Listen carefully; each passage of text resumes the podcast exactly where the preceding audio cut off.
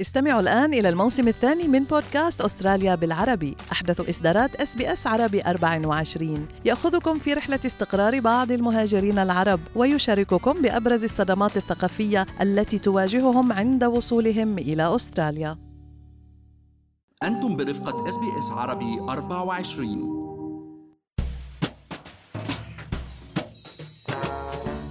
المنزل في أستراليا ليس فقط مكان للعيش. بل هو للبعض حجر الأساس لبناء الثروة وتأمين الذات عند التقاعد. ولكن مع غلاء الأسعار المتسارع في المدن الكبرى صار امتلاك منزل بالنسبة للكتار وخاصة بالنسبة للشباب والقادمين الجدد أشبه بحلم. ولكن هل يوجد أي طريقة أخرى للاستثمار وتوفير ثروة؟ ولو صغيرة نستفيد منها بالمستقبل حتى لو مش قادرين نشتري بيت نعيش فيه؟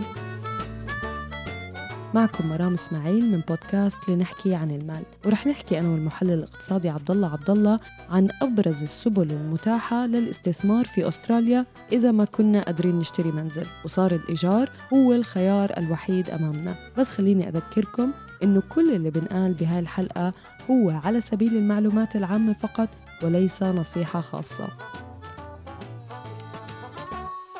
عبد الله في دراسة للمعهد الأسترالي للإسكان والبحوث الحضرية وجدت أنه نسب امتلاك المنزل للأستراليين بين اللي عمرهم 25 وال 55 رح تنخفض ل 50% أي أن نصف الأستراليين اللي عم بيشتغلوا أو اللي موجودين في سوق العمل مش رح يقدروا يشتروا منزل ويعيشوا فيه.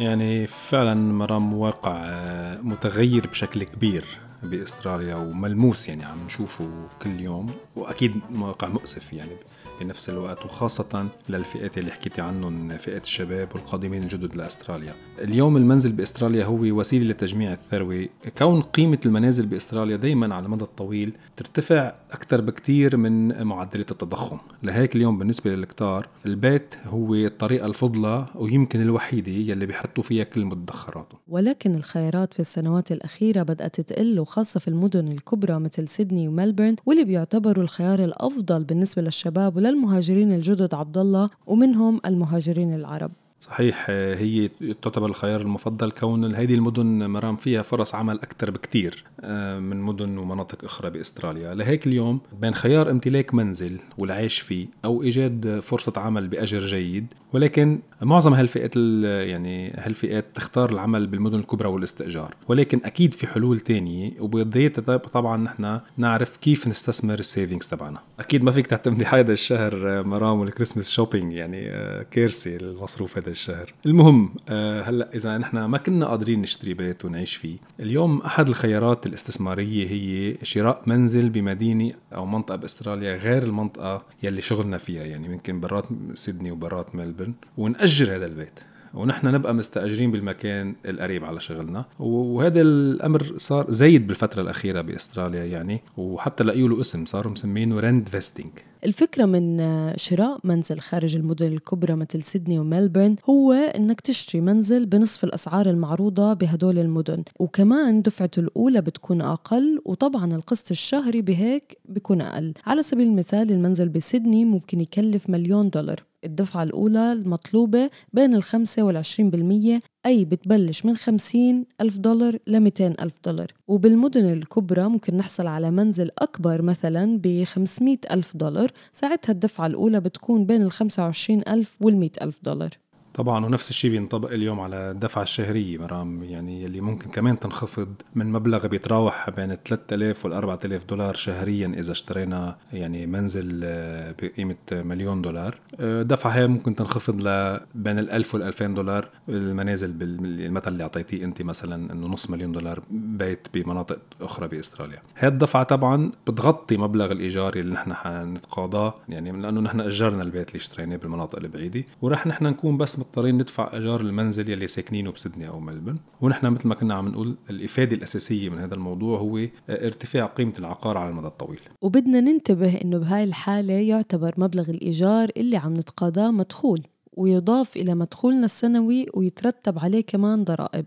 صحيح لهيك اليوم كتير من المستثمرين بالسوق العقاري بيستفيدوا من المديونية السلبية ال negative gearing وعبر اللجوء لما يعرف يعني بال interest only mortgage يعني أول خمس سنوات مبلغ التسديد الشهري بيكون يستعمل لتسديد الفوائد فقط من دون ال principals يعني من دون صلب صلب القرض. وساعتها هيدي الفوائد تخصم من مدخول المنزل لأن تعتبر حسب مكتب الضريبه بيعتبروها مصاريف أو expenses وهيك ممكن كل المدخول من الإيجار يعوضوا مبلغ الفوائد المدفوعة ونطلع نحن ومكتب الضريبه كيت يعني ما بده منا شيء ولا بدنا منه شيء إضافي.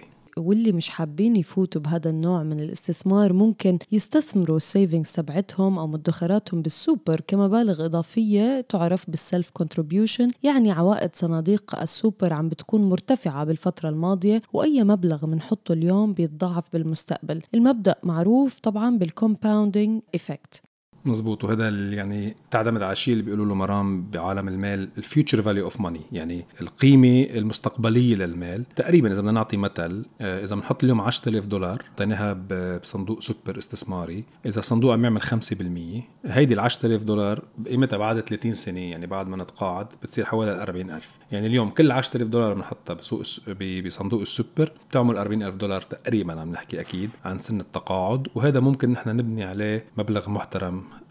يعني من ضمن السوبر آه، fund تبعنا. هلا ال disadvantage الأساسي السلبية الأساسية للاستثمار بالسوبر إنه نحن المبالغ اللي بنحطها بالصندوق ما بنقدر نستفيد منها إلا إذا طلعنا على التقاعد. يعني إذا إذا عزنا هالأموال ما قادرين نسحبها. صحيح عبد الله ونحن كنا حكينا قبل كيف ممكن نعمل ال salary sacrifice ونستفيد من نسب ضريبية أقل من خلال السوبر تبعنا. ويلي بنذكر إنه الضريبة كمان على المبالغ المدفوعة للسوبر هي 15% وبمعظم الأحيان هي أقل من الهامش الضريبي يلي بندفعه على المدخول السنوي. صحيح. هلا اليوم كمان في خيار ثالث بالاستثمار بأستراليا. طبعا هو سوق الأسهم يعني والسندات وخاصة سوق الأسهم يلي عوايدها اليوم آه، جيدة.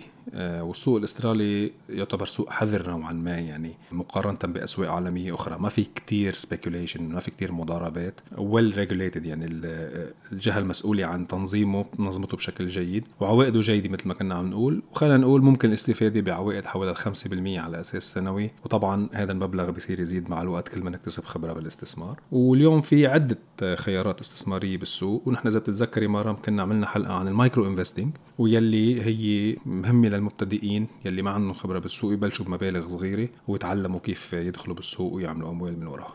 وفي ناس عبد الله بتختار تحط مصاريها بالبنك وتستفيد من الفوائد ولكن بهاي الأيام الفوائد منخفضة ونسبتها أقل من نسب التضخم أي إنه فعليا قيمة أموالنا الفعلية عم تنخفض مع مرور الوقت بدل ما تزيد.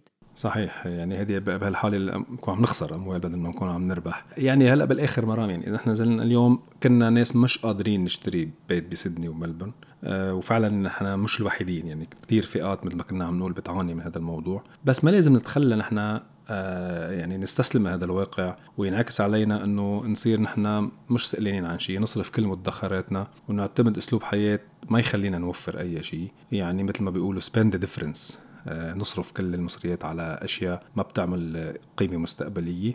ويعني وخاصة الأخبار اللي بنسمعها عن السوق العقاري ممكن تخلف هذا الشعور عنا تولد هذا الشعور عنا نوع من فقدان الأمل. بس ولكن مثل ما كنت عم بقول ما لازم نخليها تسيطر علينا. في خيارات عديدة كل واحد منا لازم يدرسها منيح ويعمل قراره. ونحن حاولنا خلال هالسنة مرام يعني نغطي آه، خلال الحلقات قد ما فينا آه، من خيارات آه، استثمارية ممكن الناس تقدر تستفيد آه، بأموالها. ما عليكم إلا تسمعوا حلقات اللي نحكي عن المال. يعني كتير ثقفتنا وكتير عطيتنا معلومات هاي السنة فعلا وشكرا لمستمعينا يعني ومواكبتكم لبودكاست لنحكي عن المال هذا الأسبوع. اسمعونا بحلقات جديدة ابتداء من شهر كانون الثاني يناير 2022 لنضل نواكب كل المستجدات اللي بتهم حياتنا المالية والعملية في أستراليا وكل عام وأنتم بخير.